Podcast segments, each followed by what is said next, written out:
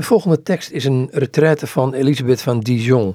Komt uit het boek Geschriften van Elisabeth van Dijon, een uitgave van uitgeverij Carmelitana in Gent.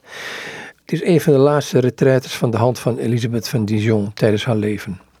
Als titel heeft het meegekregen In de schoot van de rustige drie-eenheid.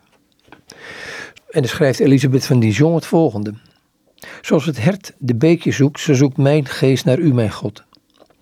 Mijn ziel heeft dorst naar God, de God die leeft.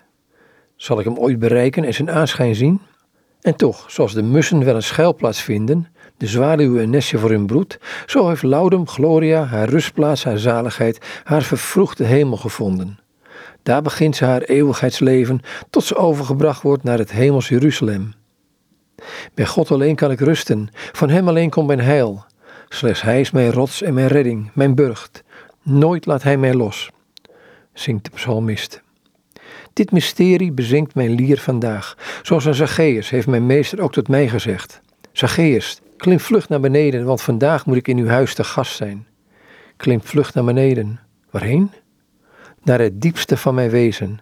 Dat ik mijzelf heb verlaten, mezelf afgezonderd heb en losgekomen van mijn kleine ik. In één woord, ontledigd. Ik moet in uw huis te gast zijn. Mijn meester drukt dit als zijn verlangen uit. Hij wil met de Vader en zijn liefdesgeest in mij wonen, opdat ik, zoals Johannes zegt, in gemeenschap met hen zou leven. Paulus schrijft: Gij zijt geen vreemdeling of ontheemden meer, maar medeburgers van de heiligen en huisgenoten van God.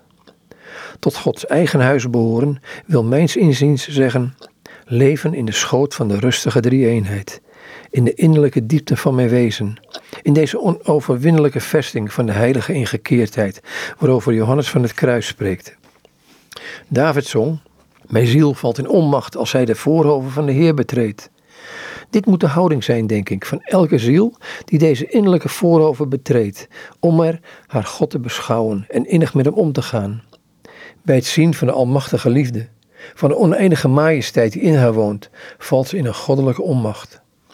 Niet het leven ontglipt haar, maar zij misprijst het louter natuurlijke leven en trekt zich eruit terug. Ze voelt dat ze zo'n rijk bezit niet waard is en gaat sterven en wegebben in haar God. En wat is deze onthechte en van zichzelf losgekomen mens mooi? Hij kan zijn hart verheffen om uit dit tranendal, dit wil zeggen, alles wat minder is dan God, over te gaan naar de beoogde plaats. Die brede ruimte, bezongen door de psalmist, en die, zo lijkt het mij, de onpeilbare drie-eenheid is de Vader, de Zoon en de Heilige Geest. Hij stijgt op, verheft zich boven de zinnen en de natuur. Hij overstijgt zichzelf, overschrijdt zowel de vreugde als de smart, vliegt door de wolken heen om slechts te rusten nadat hij is binnengedrongen in de geliefde, die hem zelf de rust van de afgrond zal geven. Dit alles deed hij zonder de heilige vesting te verlaten. De meester zei hem, klim vlug naar beneden. Daar leefde hij naar het beeld van de onveranderlijke drie-eenheid in een eeuwig nu. Altijd aanbidt hij haar om haarzelf. Door een steeds eenvoudiger, steeds meer verenigde blik wordt hij de afstraling van zijn heerlijkheid. Met andere woorden, de onophoudelijke lof van heerlijkheid, van zijn aanbiddelijke volmaaktheden.